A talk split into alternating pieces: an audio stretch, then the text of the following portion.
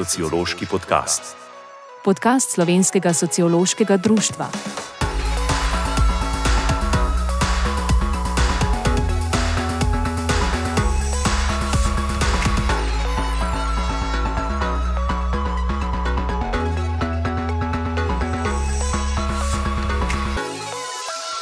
Pozdravljene, pozdravljeni v sociološkem podkastu.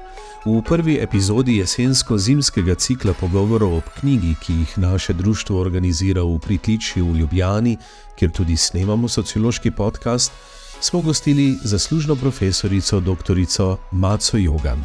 Letos je izšla njena nova knjiga Na dvorišču poganov, Katoliška crkva in družbeno zlo. O tej knjigi se je z Maco Jogom pogovarjala Anja Zalta. Prijetno poslušanje. Dober večer v mojem imenu, dobrodošli, dobrodošli na tem izjemnem pogovoru z mojo izjemno gostjo, Maca Jogan, sociologinja, zaslužna profesorica Ljubljanske fakultete za družbene vede, utemeljiteljica feministične sociologije religije in ena izmed vodilnih avtoritet z področja sociologije. Današnji pogovor bo potekal seveda ob in o vaši knjigi, vaši zadnji knjigi na dvorišču Pogano, Katoliška crkva in družbeno zlo, ki je šla letos pri založbi FDV, torej Fakultete za družbene vede, in ki prinaša natančen pregled odnosov, idej in zapovedi, ki jih je Katoliška crkva sooblikovala oziroma oblikovala v svoji želji po ohranitvi družbenega položaja in utrditvi tako imenovanega tradicionalnega družbenega reda. V začetku je morda na mestu kratka razlaga naslova, če smem, bi to storila jaz.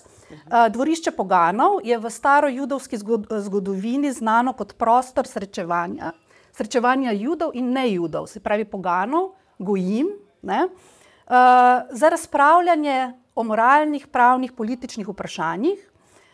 Leta 2009 pa to idejo v bistvu prenese na nek način kot prostor za dialog z drugače mislečimi, papež Benedikt XVI. In sčasoma se ta ideja razvije v organizirana javna predavanja in pogovore priznanih katoliških teologov, tudi z drugače mislečimi, ateističnimi avtorji, misleci, ki pa so seveda skrbno izbrani. Morda bomo na koncu tudi kaj na to temo rekli.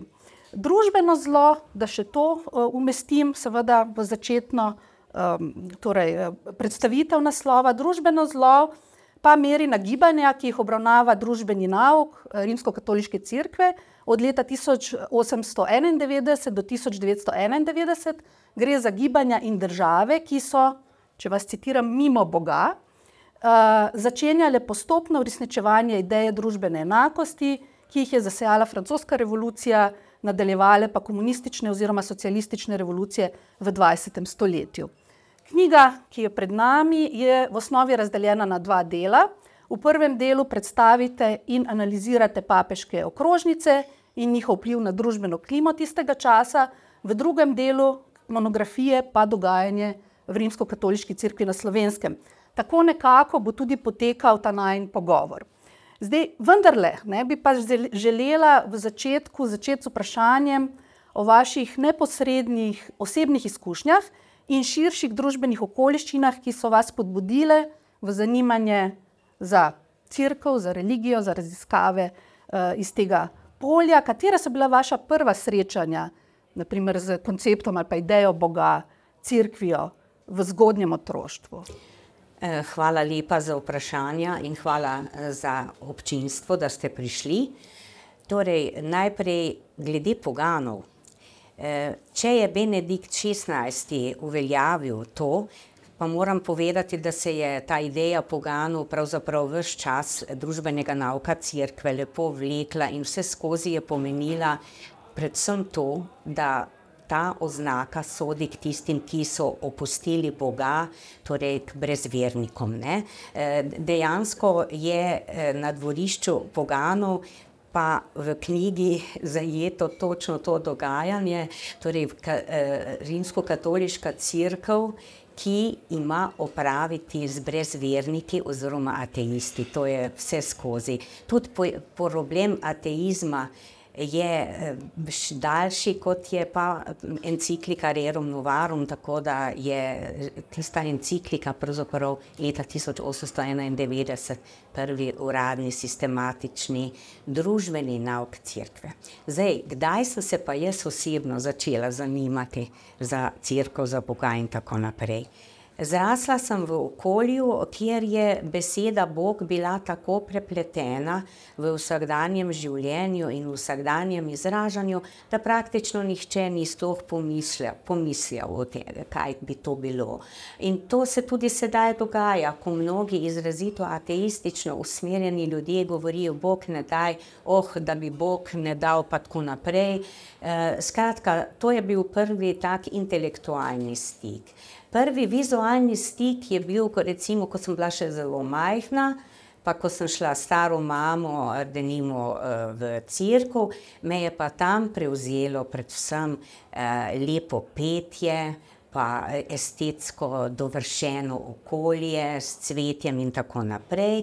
No, ko sem bila malo večja, že tam nekje okoli šestega leta in tako, ko sem začela hoditi v šolo, takrat sem pa prišla v stik tudi z nekaterimi manj lepimi stvarmi, ko smo recimo v začetku leta, ob veliki noči tisoč devetsto petdeset, učenci prvega razreda morali hoditi k tako imenovanemu božjemu grobu, in meni se je strašno gnusilo, ko je bilo treba poljubljati tam Kristusovo telo in tako naprej. Takrat sem začela pravzaprav nekako čutiti en odpor do tega, kar je nekako povezano z božjim, kar je povezano s cerkvijo, mi je pa najbolj ostalo v spominu, ker sem vedno gledala, zgodaj sem znala brati, ko je, ko so ko so bili izveski, ki so viseli visoko gor, ne pljuj na tla. To se mi je pa zdelo tako imenitno, zaradi tega, ker mi je šlo silno na živce, če je kdo slučajno kje tudi na cesti, ke mi še zdaj gre, da ni napljunnil na tla. No, ampak to so res iz zgodnjega otroštva. No, pa mogoče še ena stvar. s staro mamo, moja mama ni hodila k maši in zaradi tega sem jaz tudi kot, podobno kot ona bila zelo zgodaj deležna zasramovanja, češ, ste komunisti, komunistična družina in tako naprej. No, istočasno sem slišala velikokrat, tudi v pogovorih starejših in tako naprej, pa ko so se pogovarjali, kako je bilo pred pred drugo svetovno vojno in kako vsak je vedel točno, da se je vsaka pridiga končala z geslom: "Lakote, kurje in komunizma, reši nas, o Gospod." No, in tako se je to nekako v moji zavesti povezovalo, komunizem pa lakota pa kuga, same hude stvari, ne, no, in potem recimo v nižji gimnaziji jaz nikoli nisem prekinjala prijateljstev, teh otroških, ampak nekatere sošolke očitno so od doma bile ustrezno podučene, so me zmerjale, da sem ateistka pa komunistka in tako naprej, pa za nekaj dni prekinile komunikacijo oziroma pogovore z mano in me izločevale in tako naprej. No, ampak mene to niti ni motilo, imela sem pač tudi svoje, kako bi rekla, prednostne cilje.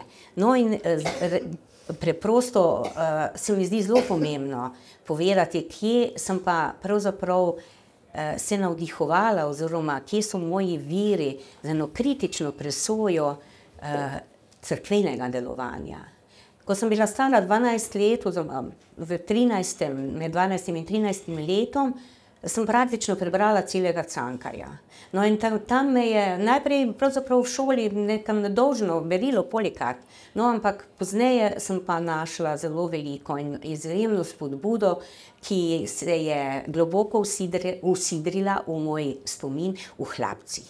Torej tam se mi je pa nekako odprl prostor tega, kar se pravzaprav vseskozi pozneje mi je v raziskovanju tudi pokazalo, tega, kako bi rekla, dvolične, dvoličnega obnašanja, ambivalentne drže, ki jo je cerkev skozi, torej govorim o Rimskokatoliški cerkvi, ki jo je skozi zgodovino vseskozi prakticirala. No, torej to bi bila nekako ta eh, infrastruktura, duhovna infrastruktura, predno sem prišla na eh, fakulteto, eh, na študij sociologije. Ja, zdaj, preden greva na študij sociologije, mogoče sam še eno med vprašanje. Vendar, le vi ste, ko ste bili torej še v, v nižji gimnaziji, če rečem, oziroma v uh, šoli, je še potekal verug, je tako? E, ja, prvi dve, let, prvi dve leti je potekal še verug. Eh, v leta 52 je bil potem ukinjen, ampak eh, kako bi rekla, tisti verok, no, meni vam odkrito povedano, že kot otroko, takrat šest, sedem let, meni se je zdelo tako čudno, tako neumno, res neumno. Po drugi strani pa eh, je doma oče ustrajal, da bi se morali otroci naučiti, eh, mlaj, mlajši brat od mene, recimo oče naš. No, to, je, to je bilo pa zelo zabavno, zato ker starejši brat, pa sestra sta tam mlajšega brata mojega učila oče naš. In ta fantek je tam pri štirih, petih letih po svoje razumel dolge. Ne, in je vedno eh, in eh, odpusti nam naše dolge noge, na mesto dolge, in to smo se zabavali, otroci. Tako da to mi je recimo ostalo pa zabavna stvar. Ne. No, pa še eno, mogoče, um, vedno sem si kot otrok predstavljala dejansko nekje na nebo, gor, pa je nekdo, ki bdi zaradi tega, ker je pa veljalo nasploh, in to so ljudje zelo pogosto, za, za, mislim, otrokom govorili, Bog se vidi, Bog se ve, greh se delati ne sme ime. No, in mimo grede, ko sem nekoč, eh, ko so pri mojem predmetu, pri razvoju socioloških teorij, eh, študentje in študentke eh, pisali test, pa je bil tudi eden, ki je pozneje zelo znan teolog, eh, ki je študiral tudi sociologijo in jaz sem takrat na začetku tako mal za šalo, mal za res rekla, da pač pričakujem, da ne bodo prepisovali in tako naprej, da se bodo resno lotili dela in sem rekla, Bog vse vidi, Bog vse ve. Ne? No in zanimivo, leta 1964 sva se na Svetovnem sociološkem kongresu v religiološki sekciji, ki je bil v Binefeldu ta kongres, srečala srečala ravno in mi je rekel najprej, a veste, nikoli ne bom pozabil, ko ste vi nam študentom rekli, Bog se vidi, Bog se vi. In tako naprej, gre se delati ne sme. No, skratka, takole, ne. Eh, določene stvari eh, te spremljajo skozi življenje v taki eh, ali drugačni obliki, bodi si za resno, bodi si malce humorno in tako naprej. No, humorno, mimo grede, sodi tudi to, glede na to, da je verovanje v večnostno bivanje Eh, kondicijo sine qua non človeške osebnosti, o čemer bomo še kasneje lahko govorili, eh, se mi je zdelo mm, zelo imenitno, ko je mm, tam pred enimi 40 leti, ko smo se tako pogovarjali o cerkvi, pa religiji, pa take stvari, pa je moj stric takrat rekel, ja, gotovo je v nebesih izjemno lepo, zato ker še noben ni prišel nazaj, da bi se pokaral. Tako pa bo tožil. Ja. Ja.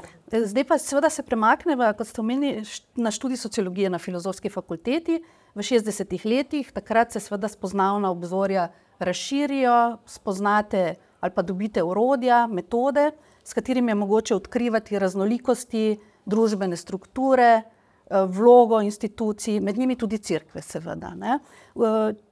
Eh, če se ne motim, v tistem času seveda izberete predmet sociologije religije in sociologija družine kot izbirna predmeta.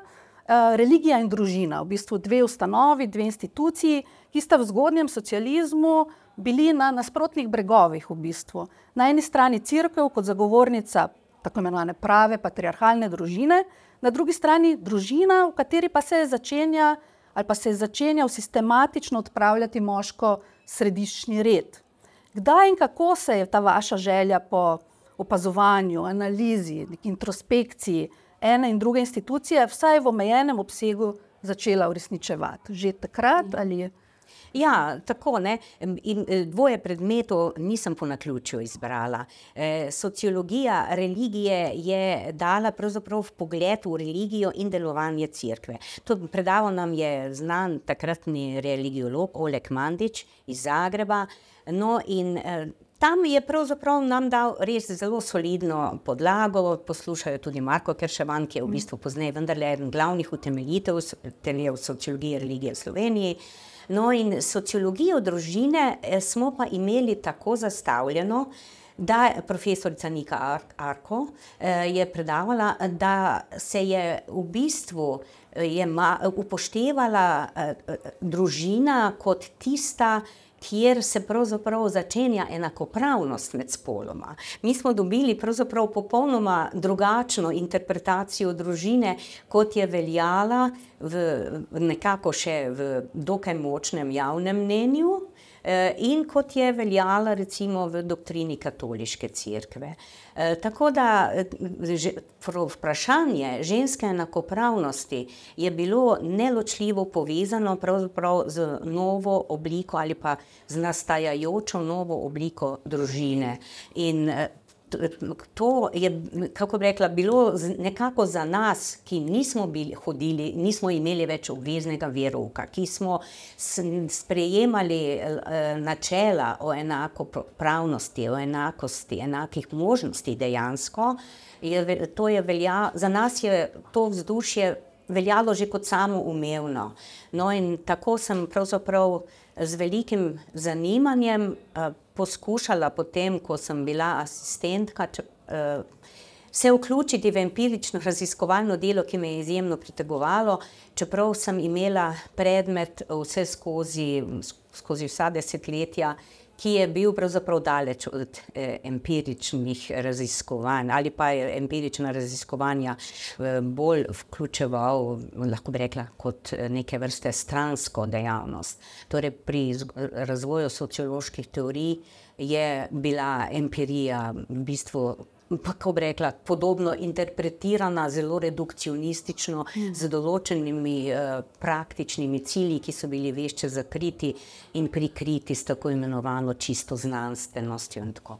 No, in prva stvar, ke sem jo imela možnost, je bila raziskava leta tisoč devetsto devetinšestdeset, sedemdeset, skupina, ki jo je vodil Marko Kerševan, o religioznosti, srednješolcev. No, in takrat sem raziskovala, vsak je imel neki vidik in moj vidik je bil, da sem raziskovala, kako družina vpliva na prenašanje religioznosti in cerkvenosti. Ta dva pojma takrat še nista bila tako zelo jasno ločena, medtem ko, nekoliko pozneje, recimo že v osemdesetih letih, se je pa, v terminologiji, ne samo pri nas, nasploh, torej cerkvenost kot oznaka za obiskovanje, takšno ali drugačno, glede na frekvenco, cerkvenih obredov, potem nekako ločila od religioznosti kot verovanja v, dogmatske resnice in tako naprej. No, zanimivo pri tem prvem raziskovanju je bilo, da sem pravzaprav, po z veliko statistično, signifikantnostjo ugotovila, da je bila močnejša religioznost v prenašana v tistih družinah, kjer je bil, oče religiozen. namreč takrat se je pa začelo to povezovati, ne, patriarhalna družina, moč očeta, avtoriteta očeta kot glavna, in to se je dejansko poznalo potem pri outputu, torej pri vzgoji in učinkih vzgoje otrok. To je bilo prvi tisoč devetsto sedemdeset. Jasno, potem sem jaz vmes se ukvarjala s sociološko teorijo, z razvojem in tako naprej. Mimogrede, v tistem času, že tam v sedemdesetih letih, zdaj kmalu bo petdeset let, kar sem doktorirala na temo funkcionalizem in konfliktna teorija, sem pravzaprav, v, v takrat prevladujočih klasičnih socioloških interpretacijah, spoznala, da je bil pravzaprav ključni cilj, ali pa uporaba sociološkega znanja ta, da bi se moral v bistvu, da bi morala sociologija, prispevati k poslušnemu, pokornemu posamezniku. Ta cilj je pa pravzaprav vseskozi eden od temeljnih ciljev, religije, katerekoli religije, krščanstvo in posebej katoliška cerkev kot institucija pravzaprav ravno, s tem ciljem, imata vzpostavljeno vso dejavnost, torej ustvarjanje pokornih, za harmonijo delujočih posameznikov. No, naslednja taka, potem sem pa imela spet priložnost, sem se vključila v empirično raziskovanje, to je bilo pa triinosemdeset, triinosemdesetega leta, pa je zdaj 40 let, ne, že minilo. Uh, srednje šolci in religija. No, tam, veliko, tam sem pa veliko pozornosti posvečala predvsem uh, religijskim interpretacijam uh, in crkvenim dokumentom, ki zadevajo spolni red oziroma odnose med spoloma. Uh, težišče mojega raziskovanja je bilo predvsem, kako se oblikuje in kako. Kako se mora in kako se oblikuje ženska identiteta. No, in iz tega raziskovanja pravzaprav eh, je potem sledila knjiga Ženska, crkva in družina, ker je pa eh, ravno zaradi tega, ker je ključna vloga v katoliški in sicer v krščanstvu eh, določena ženski kot pravzaprav tisti, ki skrbi za razplot, za raznoževanje, torej kot rodilnemu instrumentu ali urodju. In to je povezano s patriarhalno družino. Torej, takrat se mi je še dodatno uh, potrdila moja, lahko bi rekla, sporedna usmerjenost, ki empirično ni mogla prihajati do izraza toliko, uh, ker v času ne, te obremenitve z občimi sociološkimi teorijami, torej ta stranska uh, sporedna. Sporedno zanimanje, spoznavno za odnose med spoloma, nasplošno, širše. Ne, tako, to se je pa potem nadaljevalo. Ja, to je to znamenito delo, ki je tudi še vedno izredno brano in citirano, ženske crkve in no. družina, 1986, še vedno ja. tudi pri seminarskih, diplomskih in Hvala. tako naprej. Ja. Me veseli. Uh, in seveda tudi še nekaj časa aktualno. Ja, sigurno. A bi lahko rekli, kako bi po več desetletjih, se ste že nakazali, ampak vseeno ocenili vlogo takratnih realnih medčloveških odnosov uh, v usmerjanje vašega raziskovalnega zanimanja potem naprej? Mm. Bi se. Ja, ja. ja. E, torej, tako ne. V bistvu je nastajajoča praksa, e, ki je potekala pod e, strateškim naslovom ali pa strateško pomembnim naslovom, humanizacija odnosov med spoloma v slovenskih okoliščinah. Eh, omogočala v bistvu drugačno refleksijo, kot pa bi jo omogočala recimo ena zelo eh, ideološko enosmerno usmerjena, recimo v 70-ih, 80-ih letih, avstrijska ali pa italijanska ali pa nemška družba, mimo grede. V tistem času je v teh omenjenih državah, s katerimi pa, smo, pa sem imela in smo imeli veliko stikov, je veljala še stroga, lahko bi rekla, stroga moško središče, politična uh, ideologija, patriarhalna, patriarhalna ideologija. Mimo grede, pojem patriarhalizem je zame preozek, to tudi eh, že pred 30 leti sem opozarjala, zaradi tega, ker uh, moški so v, re, do, zgodovinsko teh znanih redih zahodne civilizacije imeli privilegiran položaj, ne glede na maritalni ali poročni status. Ali so bili očeti ali ne, njim je bila dodeljena prednostna Eh, vloga in prednostni položaj v odnosu na, na drugi spol. Eh, no, eh, torej, bi se mogoče lahko navezala še z enim vprašanjem, preden se potem ja. nekako podava ali pa spustiva v slovenske razmere. Uh, konec 80-ih let, natančneje ja, 1988, ja. papež Janez Pavel II. Uh, izda oziroma ja. piše znamenito apostolsko pismo o dostojanstvu žene. Uh, Muljeris dignitatum, dignitatem. Ja. Uh, kaj bi kot, oziroma kaj kot sociologinja ne, v analizi tega pisma spoznate, oziroma kaj je tisto, kar je mogoče najbolj uh, v oči bijoče, problematično potem za tlakovanje seveda, uh, nadaljnih, uh, bom rekla, hierarhij. Tako, ja, tako. ja, ker sem končala prej s tem patriarhalizmom. Torej, hoče, hočem reči to, da so objektivne razmere pravzaprav omogočale eno kritično pogledovanje, kritično introspekcijo v, v, v v vse, kar je pravzaprav dolo, določalo eh, vsakdanje življenje. No, in takrat eh, je eh, na eni strani bilo, v, eh, lahko bi rekla, v pridigah in tako naprej, eh, še vedno eh, to tradicionalno razumevanje ženske, medtem ko zunanje okolje je bilo pa pravzaprav že daleč naprej, tudi v primerjavi z drugimi državami. Ne? No, in eh, 1988 je v Marijinem letu. Janez Pavel II, kjer je bil še poln, eh, kako bi rekla, svežine in borbenosti. Eh, borbenosti v smislu uh, bor militantnega katolicizma, uh -huh. Uh, vendar je to bilo ozadje, na vzven je pa pravzaprav podobno, kot je nasploh bila tendenca, prevzemal vrsto tistih dosežkov, ki jih je do takrat že doseglo Eh, posvetno žensko gibanje. Uh -huh, uh -huh. No, in eh, recimo o dostojanstvu žene v času, ko so se dejansko vzpostavljali v konkretni naši družbi pogoji za to, da je ženska bila priznana ne samo kot mati in gospodinja, v tistih pogojih je mene izjemno zanimalo, kaj je zdaj tu novega, o dostojanstvu, pa še o dostojanstvu človeka, ker se je že prej takole slišalo ne, v različnih okoljih.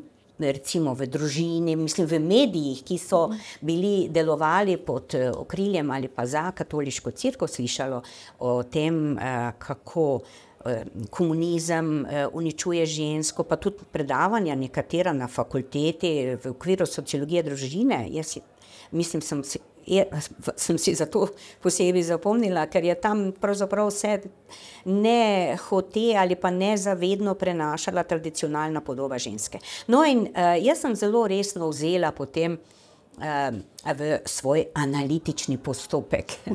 Dignitat, mulieris dignitatem, to apostolsko pismo, 1988 eh, je šlo, 1989 je bilo že v slovenščini objavljeno. No, in potem eh, sem pravzaprav od A do Ž analizirala to pismo, tako z vidika, kaj pomeni za ženske samo, samo razlaganje te identitete, te prave narave, kot se je temu, temu reklo.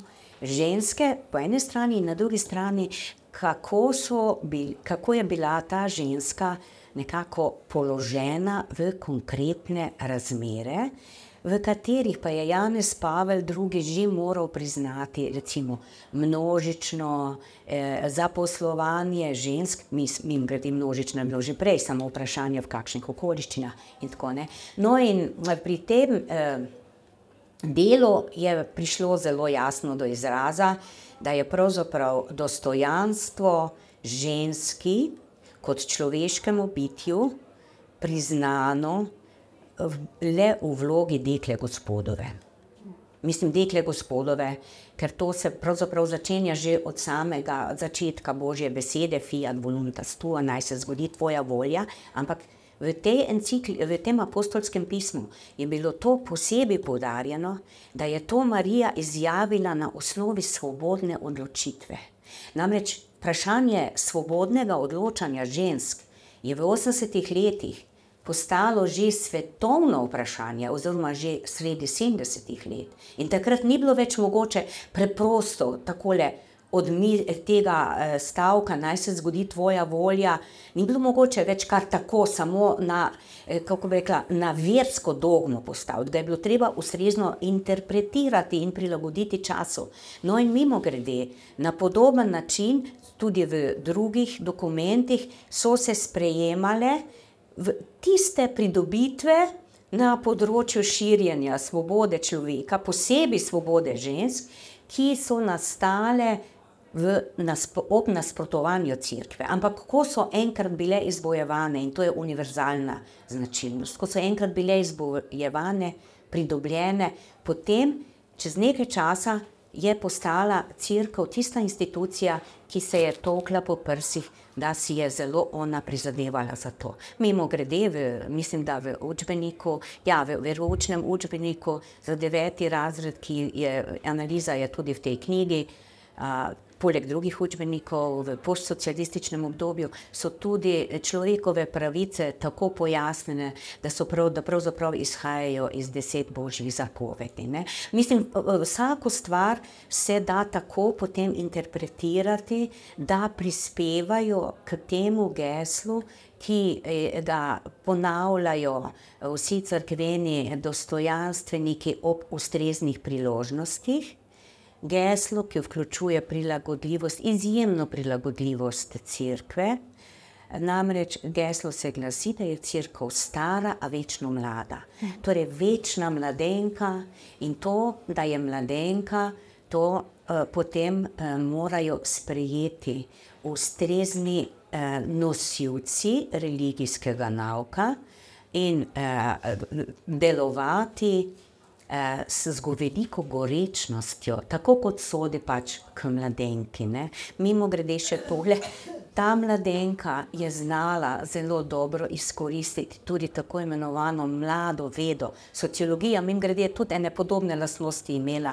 Še eh, 150 let po nastanku imena sociologije in tako naprej je še vedno veljala kot mlada disciplina. No, mimo grede, če se z stoletjem meri mladost, potem je res vprašanje kriterijev. Ne?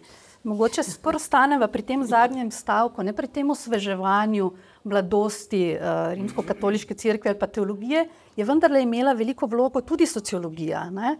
Konec koncev sociologija se je vsaj v začetku 20. Eh, stoletja poučevala na, in utrjevala na bogoslovnih učiliščih. V Sloveniji. V Sloveniji ja. In skratka, s tem na nek način je, in zdaj me mogoče res kot vprašanje zanima, preko ste omenili idejo o osvobajanju žensk, praktične politične zahteve za enakopravnost, za enake socialne pravice, ki so vznemirjale seveda katoliške, kot ste rekli, varuhe na nek način, lika device Marije. Hkrati pa imamo seveda sociologe, ne, hišne sociologe, lahko rečemo, ja. hišne sociologe, ne, ki pa vendarle. Homemade. Homemade sociologe, Tudi. tako ki pa nekako seveda nastopajo, v, bom rekla, kot. Lahko se rečemo dekla, dekla teologije ne, v tem ja, smislu, ja, ja, ja. pomoč. Krasen pojem, hvala. Povrnitev žensk k tako imenovanim navednicah naravni vlogi.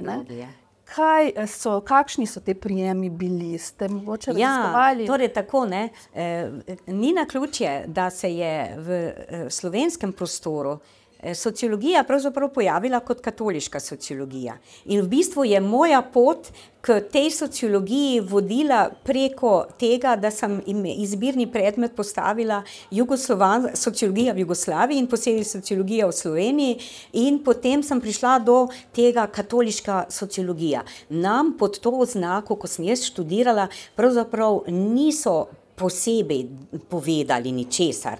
E, je pa res, da smo slišali kaj o ušeničniku in Janezu evangelistu Kreku. No, in dejansko potem sem. Pa bila potem po eni strani eh, zaradi eh, pedagoške vloge potisnjena v raziskovanje tega, po drugi strani sem pa v drugi polovici 80-ih let bila zaprošena da za eh, eno, eno delo v Avstriji pripravim podatek o razvoju te mhm. slovenske sociologije. No in tako sem jaz potem začela najprej eh, stanjem, in tam sem začela se srečevati z izjemnimi obtožbami, brez verništva, mm. brez boštva, tudi že se s pojmom poganstva srečala in tako naprej, kot tistega, kar je posledica tega, da je upadlo zaupanje v Boga in vero, in da ljudje hočejo pravzaprav si urejati življenje po svoje. No, in eh, prav za namene eh, te študije o slovenski sociologiji, sem potem eh, z, z Ušeničnikom se srečala najprej. In ušen, torej, Ušeničnik je leta 1910 eh, izdal delo Sociologija, prav pod tem naslovom, in v zvezi s sociologijo je pozneje še več del po prvi svetovni vojni, ki pa so bila izrazito, že bi lahko rekli, uporabniško usmerjena za eh, eh, obnovo katolicizma in torej. Katoliške, totalitarističnega katolicizma, moram posebej podariti, po prvi svetovni vojni zaradi revolucionarnih potencijalnih nevarnosti in tako naprej. No, in ušeničnik je v tej sociologiji, čeprav sicer crkva ni posebej posvečala, on je na učilišču, ja. profesor bil, ne, bogoslovnem v Ljubljani. In on je v tej svoji sociologiji izjemno veliko prostora namenil tako imenovanemu ženskemu vprašanju. Torej, eh, žensko vprašanje, mimo grede, je bilo takrat vsaj že 30 let v socialistični struji, ali pa socialistično mislečih avtorjev, navzoče in predvsem je ta, do takrat že neskončno veliko izdaj Beblove Ženska in socializem in šlo to je veljalo kot Biblija na alternativnem področju in zato ni na ključe, da je velik del prostora v sociologiji posvetil ženski, ženskemu vprašanju.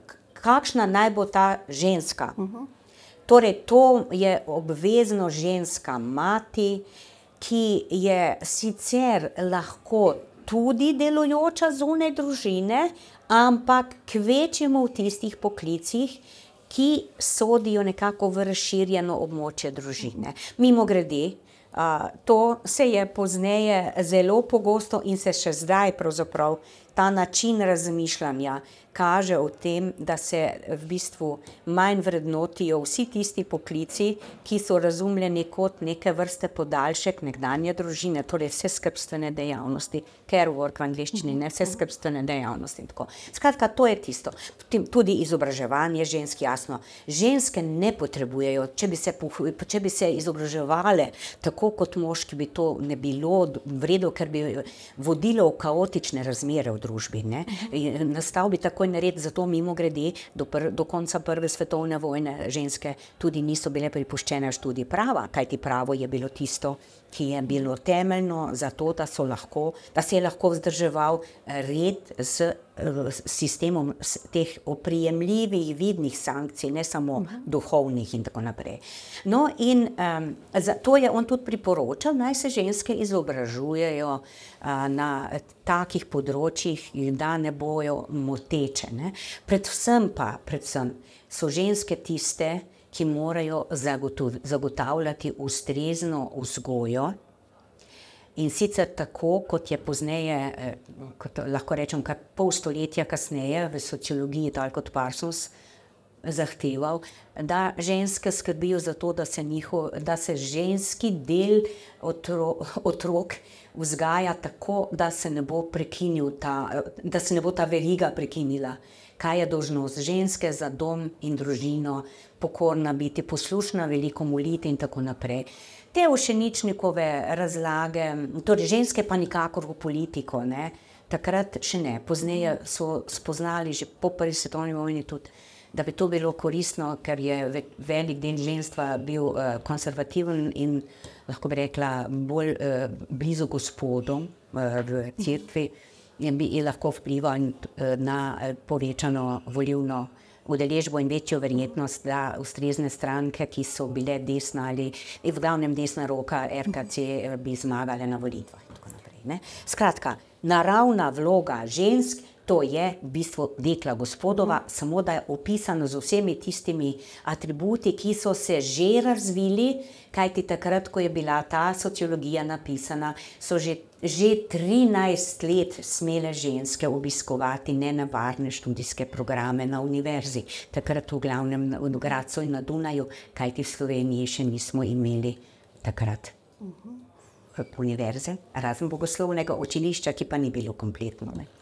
Dobro, da se mogoče zdaj poveževa še s tem vašim osrednjim pojmom, ki je v naslovu vaše monografije, in sicer družbeno zlo. Ja. To vprašanje na nek način torej, lahko seveda slutimo ali pa celo seveda vidimo, na kakšen način se je seveda ideologija v cerkvi sooblikovala tudi s pomočjo seveda socioloških na nek način. Ne?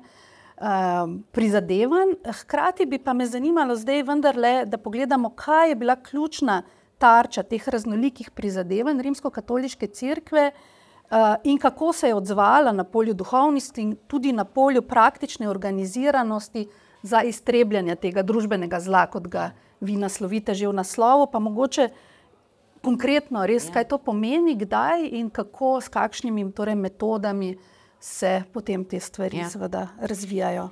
Torej, z družbenim, z družbenim torej, kaj razumemo pod družbenim zlo, zlom?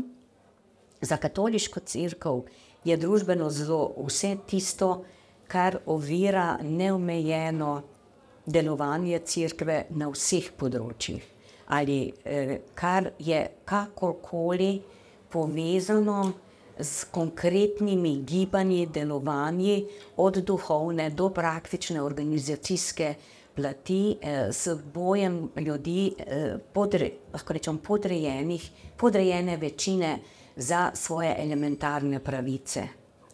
Torej, eh, druga polovica, po, tako, eh, z neposrednim označevanjem, da je vse to zlo, sem se pravzaprav srečala, v, ko sem raziskovala množični tisk in ob stoti obletnici francoske revolucije je katoliško usmerjen tisk na veliko udarjal po svoboduharstvu, ki ga je vnesla francoska revolucija in to svoboduharstvo je žal prišlo tudi v slovenske vrste. No, takrat je zopr svoboduharstvo že zelo aktivno deloval in pozneje pa sploh uh, Anton Mahlik. Uh, in to, torej, ta ideja večjega, večje svobode za večinsko uh, plast prebivalstva, vredo zdaj ponovim, 99 odstotkov, pa vsaj recimo 90, lahko rečemo.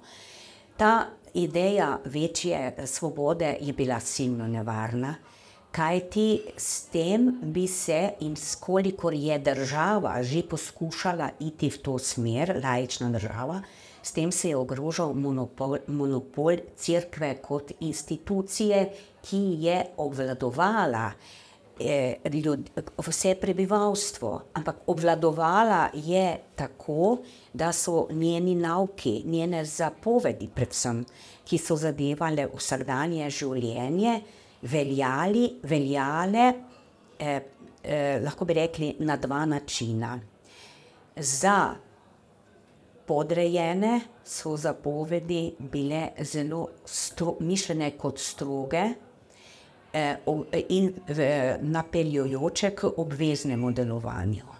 Za nadrejene, za nosilce moči, za družbene odločevalce, pa so, to, pa so njeni nauke ali pa zapovedi bila, bila priporočila. No, in zanimivo, ta razlika med, eh, med veljavnostjo in praktično uporabnostjo naukov se pravzaprav neprekinjeno ohranja in se je ohranjala in v socioloških katoliških tekstih in v vseh, vključno z Moliere, z Dignitatem in potem z uh, encikliko ob stoletnici Rerum Novarum Janeza Pavla II. in tako naprej. En primer, recimo, ne, prav v tej, en, ko smo prej imenovali apostolskem pismu dostojanstvo žene, uh, je osnovna zahteva za ženske, da morajo torej spoštovati, uh, spoštovati vse oblasti. Uh, možu, moškemu možu je pa priporočilo, da naj bojo ljubeči do svojih žena. Nosilcu oblasti, ki je istočasno um, upravičena z samim, lahko bi rekli, delegatskim sistemom od Boga na zdol, Temu pa ni potrebno, pravzaprav on lahko ali pa ne iz ljubezni deluje zelo prijetno, zelo skrbno in tako naprej. Ne. Skratka, to razlikovanje eh, oblastnikom so priporočila, bodite prijazni. Lastniki tovarn, bodite vendar prijazni, se vidite, kako delovstvo trpine. Istočasno, ko so se pa s krvavimi sredstvi zatirale stavke, recimo v severni Italiji, potem po, po prvi svetovni vojni, pred prvo svetovno vojno v Avstriji in tako naprej, stavke delovstva, recimo za 8-urni delovnik, eh, na mesto, da bi bil 12 ali pa 14-urni delovnik in tako naprej. Ne? Skratka, ljubezen, mimo grede, uh, že alternativna interpretacija sociološka, že pred Prvo svetovno vojno, uh, pri Kristovnu in uh, drugih, je opozarjala na to, da sama ljubezen za, ureja, za ustvarjanje enega družbenega sožitja nikakor ni dovolj. Ne? No, in ljube, ta, to vprašanje ljubezni, katoliške ljubezni, še vedno sveti in sveti, in verjetno bo še kar svetilo.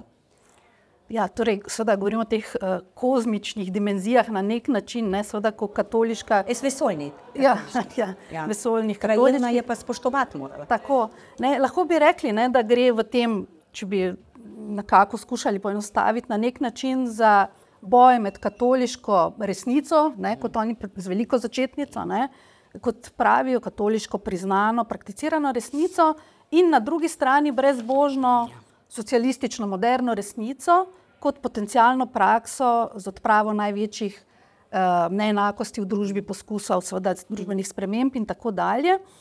Uh, bi lahko rekli, na kaj pravzaprav je opozarjal lajčni pol ne, v, v tem času, ste, uh, ki ste ga pravkar seveda naslovili, in ali je možno najti usporednice tudi z današnjim časom, konec mm. koncev, kakšne bi bile lahko te usporednice, konec z, z koncem 20. začetek 21. Tako. stoletja.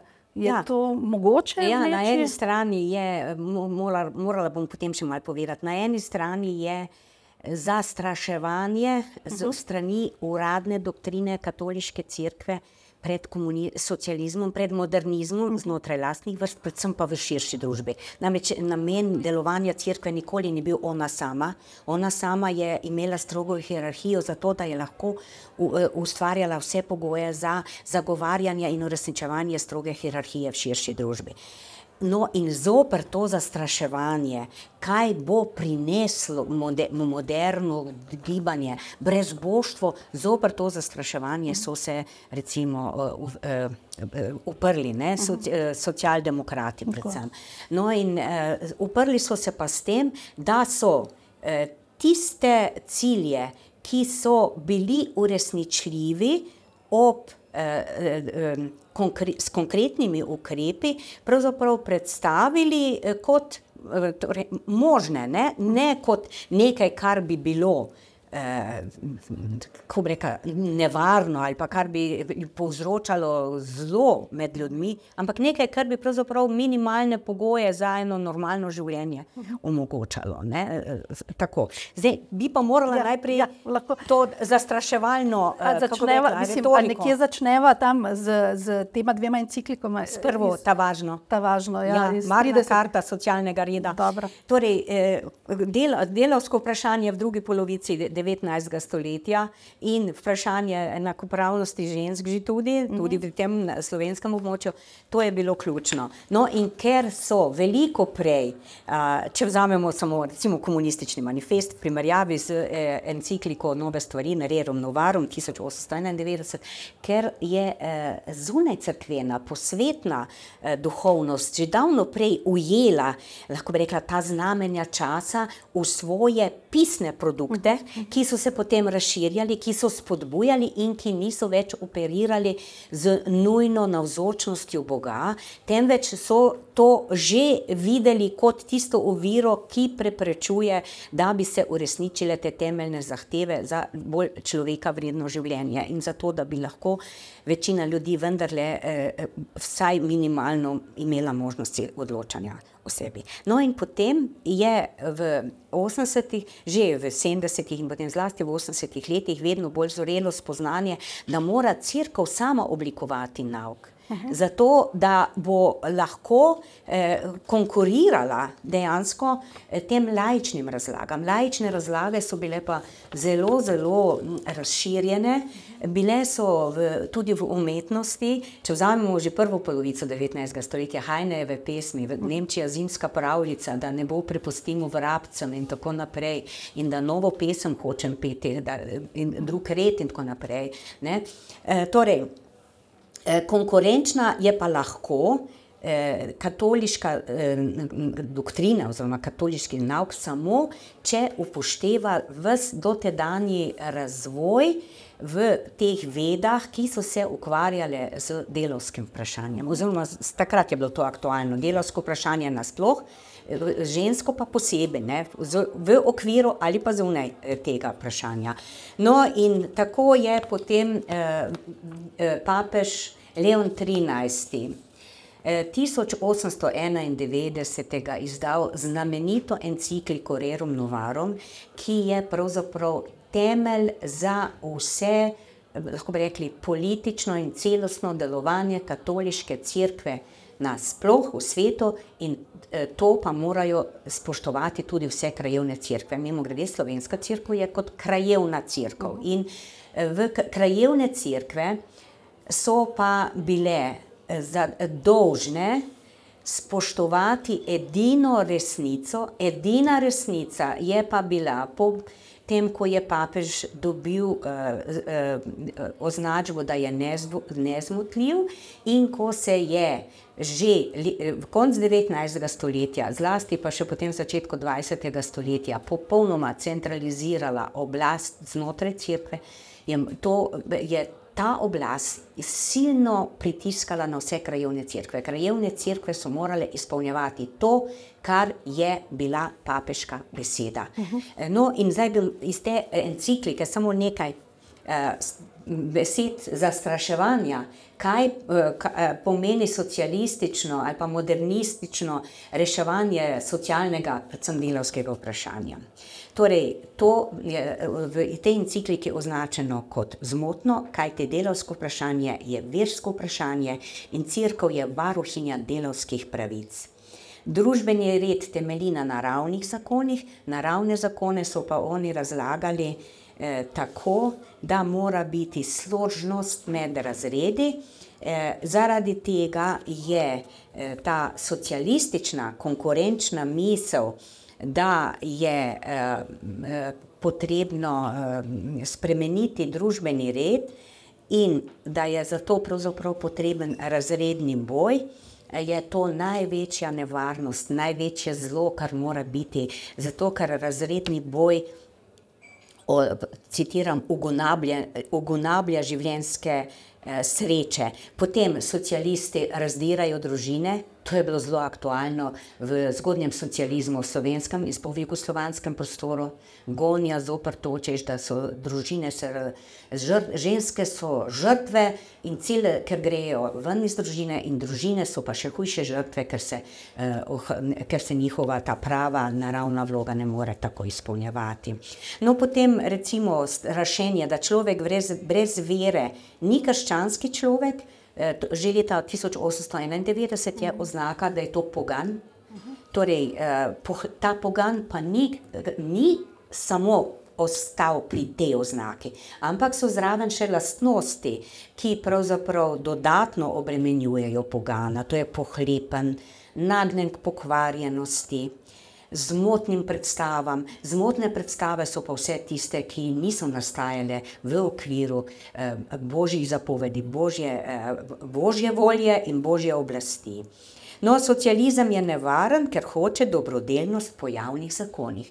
To je izjemno aktualna misel od 1891, še vedno je zelo aktualna v slovenski družbi, v slovenski crkvi, zaradi tega, ker je eden od ciljev v strategiji za 21. stoletje.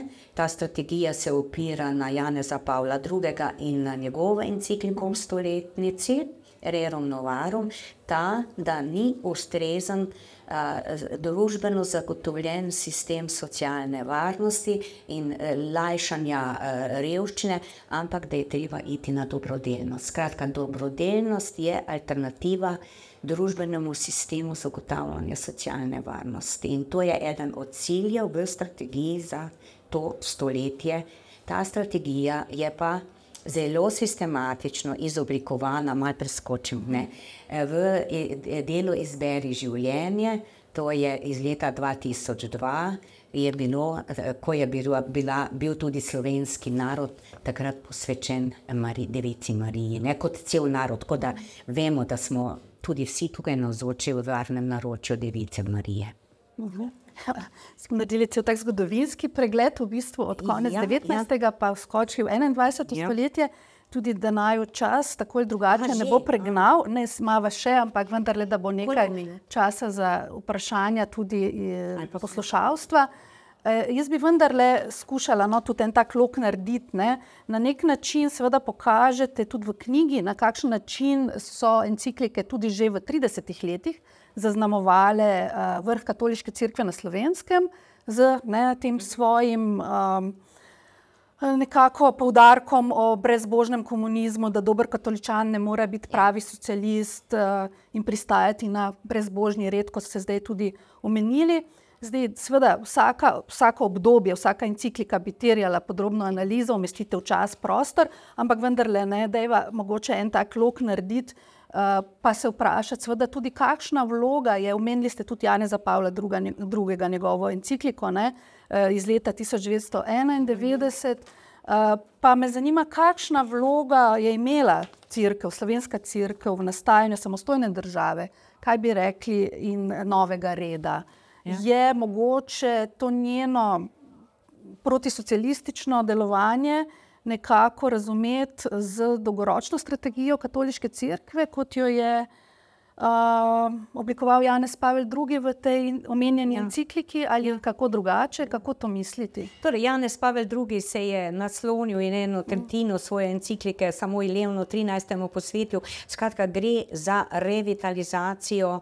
Eh, katolicizma oziroma rekatolizacijo, rekatolizacijo uh -huh. ali kot, se, eh, kot oni imenujejo novo evangelizacijo. Ja. Torej, katoliška crkva je bila izjemno pomembna vse skozi kot Eh, vezivo, kot integrativna sila. Seveda je eh, integrativna, ki je pa hkrati bila razdiralna ravno ob osi vernosti. Ne? No, in eh, zdaj problem, če skočimo v v, samostojno, v ja, nastanek ja. samostojne Slovenije, je v tem, da takrat, torej bom potem povedala, prvič je bila zagotovljena prav zaradi tega, ker je katoliška crkva na slovenskem začasno opustila pravzaprav izjemno odločno protisocialistično, protikomunistično, protimodernizacijsko usmerjenost eh, leta 1917 in je takrat pravzaprav tudi tudi pristala na to, da se, naj, eh, da, da se je eh, pridružila Majniški deklaraciji in s tem zagotovila enotnost slovenstva in s tem omogočila eh, razpad Avstro-Ogrske, Habsburške monarhije in pri, pristop v novo državo. To je, to je bil prvi tak primer, ko je zavestna odločitev crkve prispevala k enotnosti. Ta vzorec se, ja, potem med vojnama je bilo iz, na, na spet izrazito protikomunistično vse. No, v knjigi najdete ogromno podrobnosti, kako je to delovalo. Cirko je imela preko uh, Korošca, Antona Korošca, tudi izjemno pomembno vlogo v samem oblastniškem delovanju in v, v konkretnem uničevanju in komunistov in vsega, kar je bilo brezbožno in tako naprej. Nimamo dovolj časa. Čas zgodnjega socializma, mimo grede, uporabljam to oznako zavestno in jo utemeljujem s tem, da vsaka družbena formacija ali nek nov red nikakor ne more se razviti v dveh, petih, štirih letih, ampak gre tukaj za desetletja in stoletja. Kapitalizem se je razvijal več stoletij in se ne, mogo, ne, mogo, ne mogoče je primerjati recimo socializem, kakršen koli tip zlasti pa ne samo upravnega socializma, v nekaj desetletjih se razvijajočega z večstoletnim razvijajočim se kapitalizmom. V času socializma in v ločitvi, uradni ločitvi crkve od države, je bilo za crkvo to izjemno grozljivo obdobje, glede na to, da je pravzaprav jim ostala možnost delovanja samo v družini, v zasebnem območju. Med, torej iz javnega prostora bila izrinjena. To ravno obvladovanje celotnega prostora, torej javnega in zasebnega, to je, to je pa bilo pravzaprav vse skozi navzoče. Samo da, je, eh, da so se praktične uredbe, ukrepi eh, preko države izvajale in je crkva ostajala od zadaj, ampak to ni pomenilo, da ni tista, ki je bila, e, e, ki je bila ena od e, ključnih nosilnih institucij reda sploh. Ne? No, in v času socializma, v času te odrinjenosti, je torej, prišlo do tega, da je v času eh, drugega eh, vatikanskega koncila in od začasnega nekako večjega odprtja eh, cerkve in tudi doktrine do teh novih osvob osvobodilnih, neo, eh, eh, mislim, protikolonialnih gibanj in tako naprej, da je, da je ta eh, odprtost pravzaprav se potem v nadaljevanju v 70. in 80. letih pod firmo dialoga eh, zelo, eh, ko bi rekla, eh, postopno vključevala v javno življenje, seveda v lepi podobi. Eh, Medtem ko je eh, zaradi vloge v drugi svetovni vojni, zaradi eh, sodelovanja v oboroženi kolaboraciji, eh, je eh, emigracija torej delovala pa po svoje naprej za ute- eh, protikomunistično. Torej, to, to vsa leta. No, in eh, proti, v, drugi polovici 80-ih let je eh, potem eh, katoliška crkva eh, eh, sodelo, po, posredno sodelovala, torej, posredno je eh, sodelovala eh, z, eh, tako, da ni nasprotovala osamosvojitvenim težnjam. In eh, tr, v knjigi trdim, da je do enotnosti pri plebiscitu 1990 prišlo zaradi tega, ker se je ta prevladujoča, lahko rekli, splošna volja skladala z zelo natančno pripravljenimi načrti, kakšen družbeni red je treba v, v samostojni Sloveniji vzpostaviti. Zelo jasni cilji so bili, zelo natančno napisani na straneh 194-195, so točne zahteve, kaj je treba narediti, potem, ko bo ta eh, komunistični režim eh, zlomljen. Eh, torej, lahko bi še veliko govorila, ampak gre za to, da ni bila takrat enotnost, o kateri se že 30-33 let tako govori, da je bil to neke vrste čudež, smo stopili skupaj. Č- Moja trditev je, če bi katoliška crkva pridi s prižnic nastopala proti osamosvojitvi, ne bi bilo take enotnosti. Verjetno bi bila enotnost okoli tam 60 odstotkov do 70 največ. Kajti približno ena tretjina so tisti verniki, ki so četrtina do tretjina, ki so čvrsti. Skratka, ta enotnost je dejansko uh, bila, uh, lahko bi rekla, blagoslovljena. Že takrat so strani, ampak prikrito, strani slovenskega vrha crkve. In eh, takrat sta tudi dva glavna ideologa, eh, ki sta navzven delovala kot da sta zelo moderna, pa zelo nekako napredna, eh, Anton Stres in Št Ivan Štuhec. Eh, Zlasti Štuhec poudarjala, kako prihaja do renesanse. Ta renesansa katolicizma je pomenila nadaljevanje tistega nauka, ki je bil že konec 19. stoletja v tej prvi pomembni encikliki izoblikovan, in nadaljevanje tiste organiziranosti, ki je bila množična pred Prvo svetovno vojno in po drugi svetovni vojni, in ki je strogo ločevala družbeno in sploh organizirano življenje ob osi religioznosti. Imeli s, eh, takrat pred Prvo svetovno vojno in med vojnama je eh, torej. Zato, da bi dobila množice, katoliška crkva bila v, v, v tista, ki je bila vodilna, neposredni izvajalci so bili potem laiki, v vseh društvih, sam društva, kulturna, športna in tako naprej so bila ločena po verski pripadnosti. Ne? E, In točno to se je začelo leta 1991 v samostojni Sloveniji. Tako da tista rekatolizacija, ki je bila, lahko bi rekla, prva v moderni dobi, da ne govorimo o reform, protireformaciji, tako naprej. Tista rekatolizacija pod imenom nove evangelizacije se v samostojni državi Sloveniji zdaj z vsemi sredstvi in pogosto ob podpori države nadaljuje, kjer še ni eh, vse razcepljeno od kraja, eh, od krajevnih skupnosti na vzgor, tam se še dela za to. In tist, pa še tole, tiste, um, kako eh, zdaj, če bi šlo samo za pluralizem, ker o pluralizmu se govori, ampak kakšen je ta pluralizem, kaj vsebuje ta pluralizem?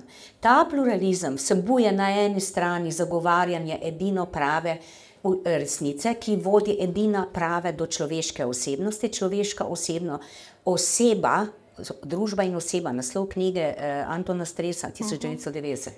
Takrat se mi je čudno zdelo, zakaj govori oseba in družba. Zakaj ne posameznik? Potem to se razkrije.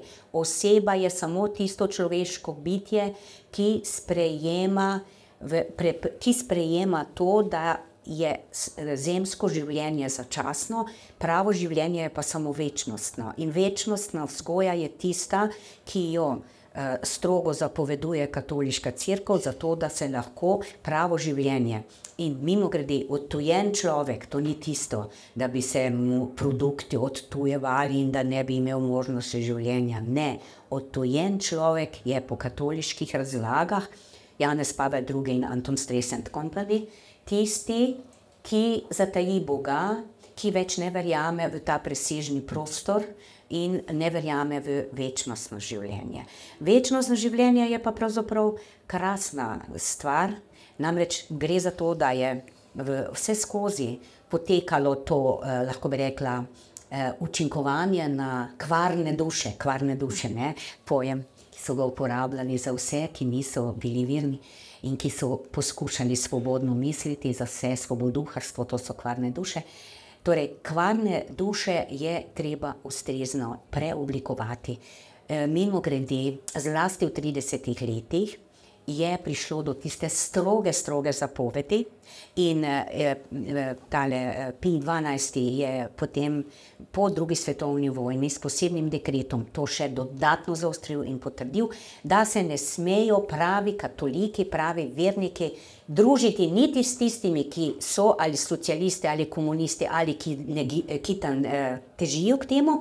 In da, če pa bi že do tega prišlo, pa potem se lahko izključijo, oziroma se ne smejo uh, vključevati. Skratka, ekskluzivizem pravih vernih duš je bil v bistvu zapovedan že v enciklikah v 30-ih letih in že pravzaprav v prvi, posebej poudarjan potem v, po drugi svetovni vojni. In uh, kaj potem? Ta ekskluzivizem je pa zatajevan v postsocialističnem času, ta zapovedani, s strani crkve zapovedani ekskluzivizem, izključevalnost, je zatajevan, zamovčevan zaradi tega, ker je v nasprotju s trditvami, na osnovi katerih crkva zahteva svoj monopol, spet, da so oni najhujša in največja žrtev komunizma. Torej, v času komunizma, socializma, mimo grede, so, samo upravni socializem je enako realni socializem, je ravno najhujše zlo in tako naprej. Kljub temu, da tu in tam najdemo eh, priznanje, da je nekoliko bolj bil kot kakšni drugi državi, socialistični in tako naprej. Skratka, to uh, najhujše zlo je, kako rekla, tisto, ki ga je uh, treba potem pač odpraviti. Hvala lepa za ta res izvrsten prikaz tega razcepljanja na različnih področjih v praksi. Zdaj, mogoče zadnje vprašanje, da nekako strnemo ta pogovor, pa bi bil, uh, glede na omenjeno renesanso katolicizma in znamenite teologe, ki ste jih omenili, sodobne, me zanima, kakšna je torej po tej renesansi katolicizma, kakšna je podoba prave ženske, prave družine na eni in na drugi strani kaj je torej zaznamovano kot poganstvo, oziroma kaj se postavlja na konec koncev, lahko tudi na dvorišče poganov, mm -hmm. če nekako zaključiva za tem ja. za, pri začetku. Kaj... Torej, prava ženska je še vedno taka, kot jo je naslikal recimo uh, Ušeničnik. Uh, ali pa kateri od uh, papežev, ne predhodnih, prava ženska sodi v dom in družino. In eh, prava ženska pravzaprav mora spoštovati božjo voljo. Eh, in eh, novi katoliški feminizem, tudi femi, uh -huh. imajo, ne, je posebna smer, da Nadja se s tem ukvarja, ja. Furlan. Torej, katoliški feminizem pravzaprav nekako se odpira do teh pluralnih možnosti ženske kot delujočega bitja. Medtem pa to delujoče bitje pa nikoli ne sme pozabiti na to, da je pravo uh, učlovečenje samo tisto, ki je v okviru eh, te božje, eh, božjih razlag oziroma religijskih razlag. To je prava ženska, mora spoštovati Boga in eh, od Boga navzdol tudi druge. Ne? Torej, feministične teologinje na dvorišču poganov? Feminist, no, tako, feministične teologinje so pa tiste, ki pa od znotraj pravzaprav ta nauk rušijo oziroma ja, spodžirajo. Ja, ja, ja. Zaradi tega tudi niso ravno priljubljene. So pa feministične teologinje in je tiste, ki so že pred, eh, v bistvu pred ja, sprav, 40 leti začenjali postavljati vprašanje, ne, kdo je pravzaprav. Eh, ustvaril vse te religijske razlage. In jasno, religijske razlage so ustvarjali moški, ampak zato, da so oni pridobili moč, so se morali v, vedno sklicevati na neka bitja zune, ki jih ni mogoče empirično preverjati. Empirično se pa lahko preverja samo to, kar zdaj v novejšem času imenujejo objektivna resničnost. To je pa objektivna resničnost dogem. Namreč dogme dejansko zapisane objektivno obstajajo, ker so napisane. Ker če bi bile samo po ustnem izročilu, bi jih že zdavnaj pozabili. Ne? Ampak to je zdaj tista objektivna resničnost, ki jo je treba spoštovati. Te dogme in potem pa lahko ti eh, še nekako delaš kaj po svoje. Ampak ne po svoje proti dogmam. No, uh, kaj je še drugi del vprašanja?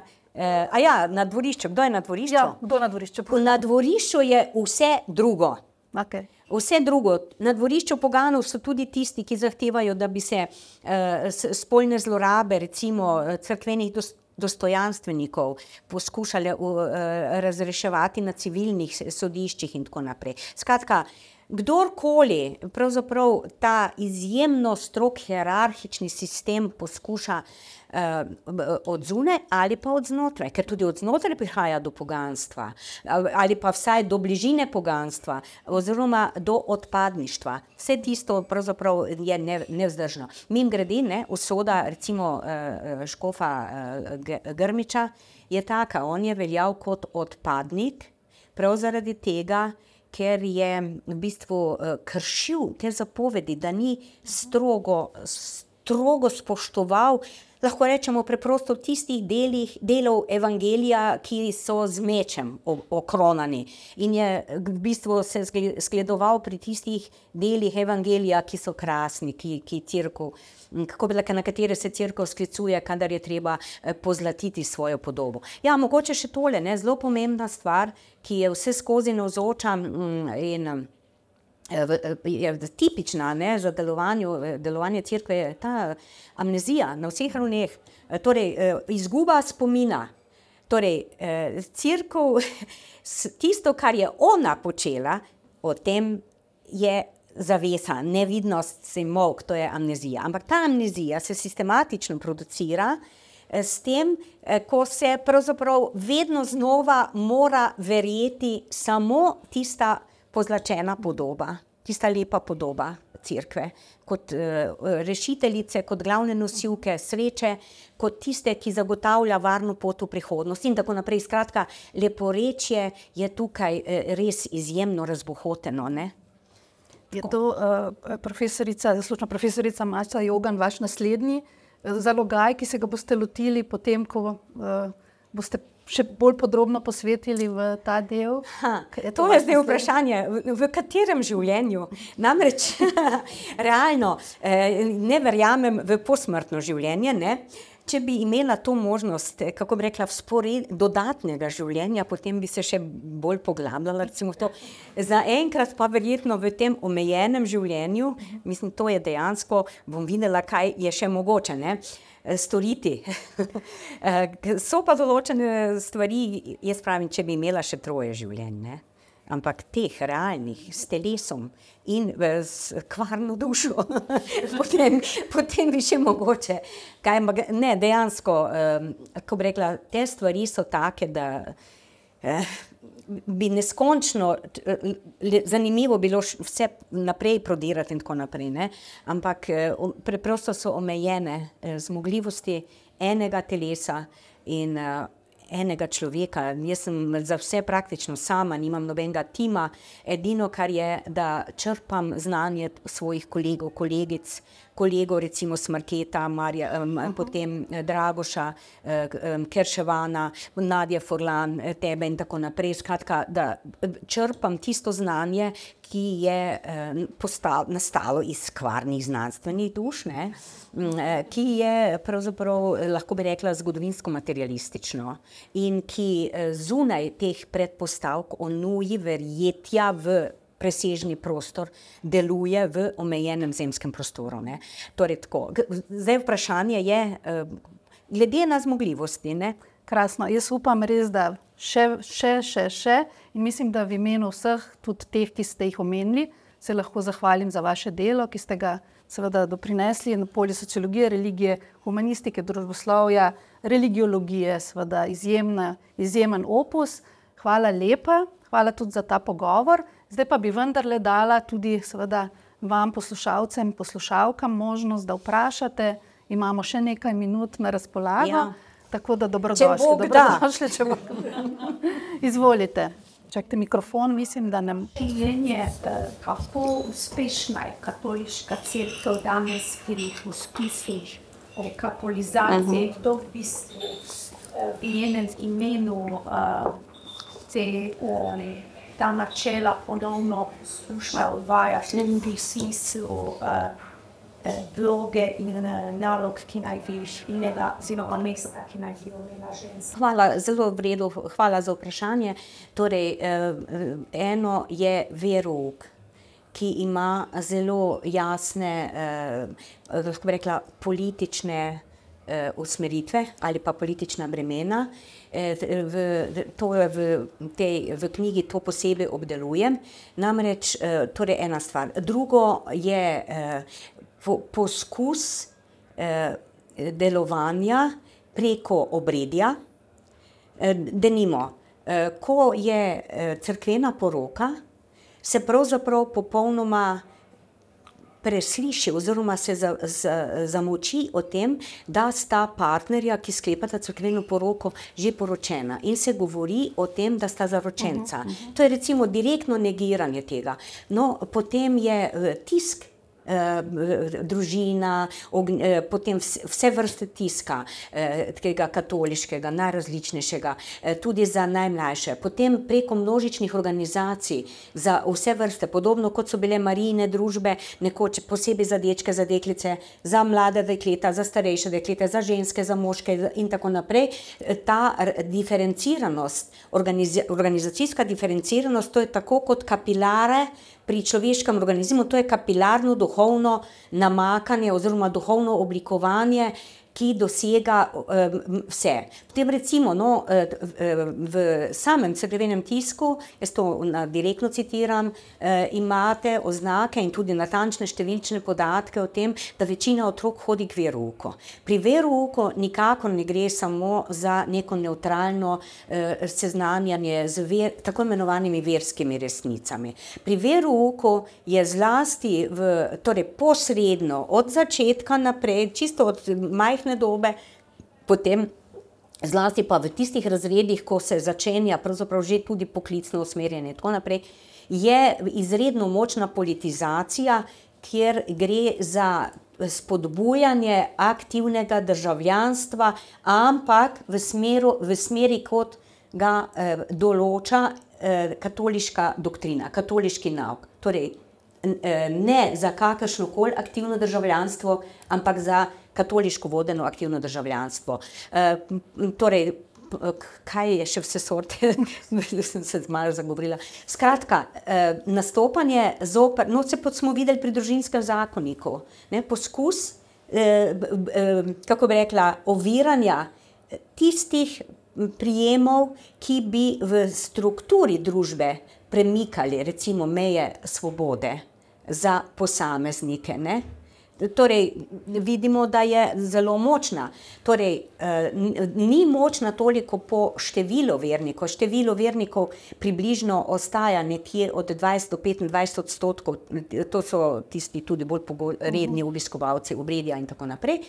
Uh, ampak uh, je tudi to prepričanje, da so edino pravi nosilci, da so to otroci luči, mimo grede, v 90-ih letih in še potem, potem uh, smo veliko krat ob državnih praznikih uh, z televizije slišali uh, metropolita enega ali drugega, ki je govoril o tem, uh, o, o tem, da treba premagati temo. Namreč že konc 19. stoletja je vse tisto s kvarnimi dušami bilo, kot so to otroci teme. Medtem ko oni so otroci luči, ta oznaka, da so oni lučenosci in da je to edino ta prava morala, to, ta prava morala, mislim, to se vse povsod potem sliši. Ne? In bere, in tako naprej. E, še tole, ne? edin e, posvetna. E, posvetna, eh, zelo dobro organizirana mreža, recimo za družinsko in eh, takrat se je tudi imelo zakonsko in družinsko. Svetovanje je bila razformirana, tako je v samostojni Sloveniji, pa je delovala eh, res super z mnogim interdisciplinarno in tako naprej. In je Frančiškanski inštitut oziroma teološka fakulteta glavna nosilka v bistvu zdaj tudi mm. priprave na družine in tako naprej. Skratka, to, kar se je v socializmu uh, zelo sistematično pripravljalo, usmeritev na mlade z veroukom uh, in to ne, zaviranje aktivnosti mladih v uh, nekatoliškem oziroma v javnem življenju.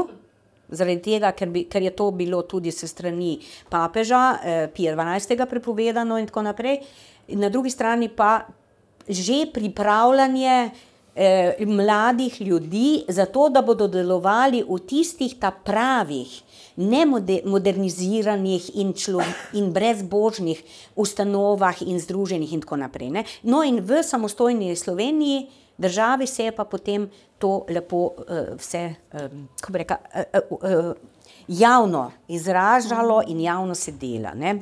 vse mogoče, vsi mogoče tečaji, priprave. Skratka, to je razvejeno popolnoma in tudi um, sami, sami obredi, ne, kako se recimo teorija spola pri pridigah, mislim, na, nasprotovanje enakopravnosti, enakim možnostim ljudem, ne glede recimo na uh, spolno usmeritev ali na spol in tako naprej, stvar pridig. Ne. To ne sodi k dogmam, pravzaprav, k verski resnici. To je izrazito uh, sodobna politična uh, situacija, ki ki potem do, na tak način se širi. E, res pa je, da na, to se mi zdi zelo pomembno še pri vašem vprašanju? E, da sedanjim mladim, recimo, manjka pravzaprav ravno zaradi te amnezije, institucionalne crkvene amnezije na lastno dejavnost, negativno, manjka pravzaprav poznavanje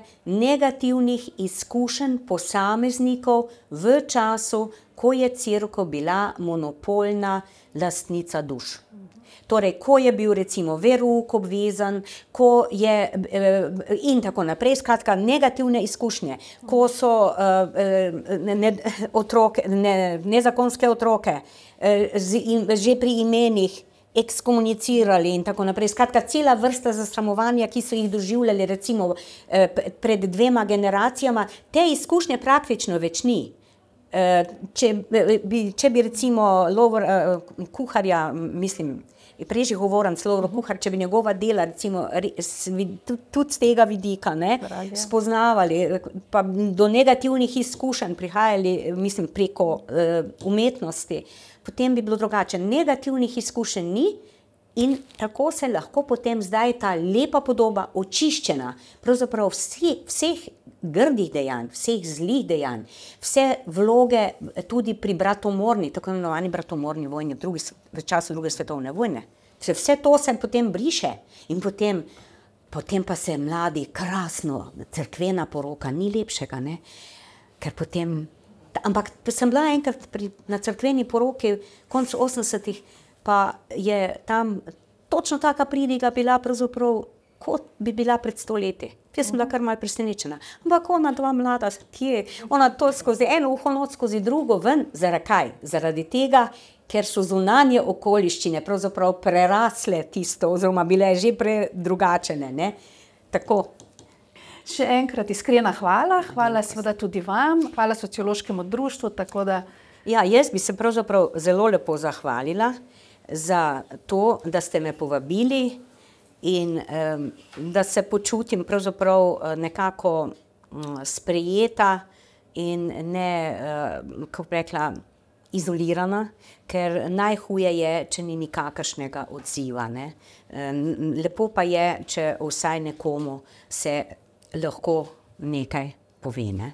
Seveda zelo, zelo. Ja, mimo grede, še tole. Ja. Vam bom prebrala, kar je na zadnji strani. Gospa, vi bi nam morali predavati sprižnice, ne pa duhovniki.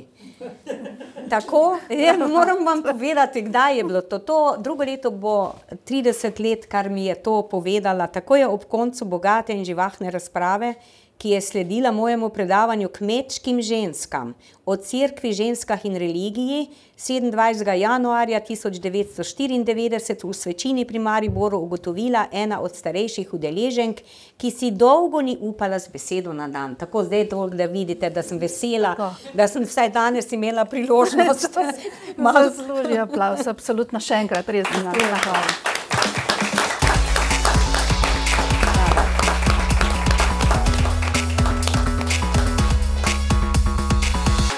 Sociološki podcast. Podcast slovenskega sociološkega društva.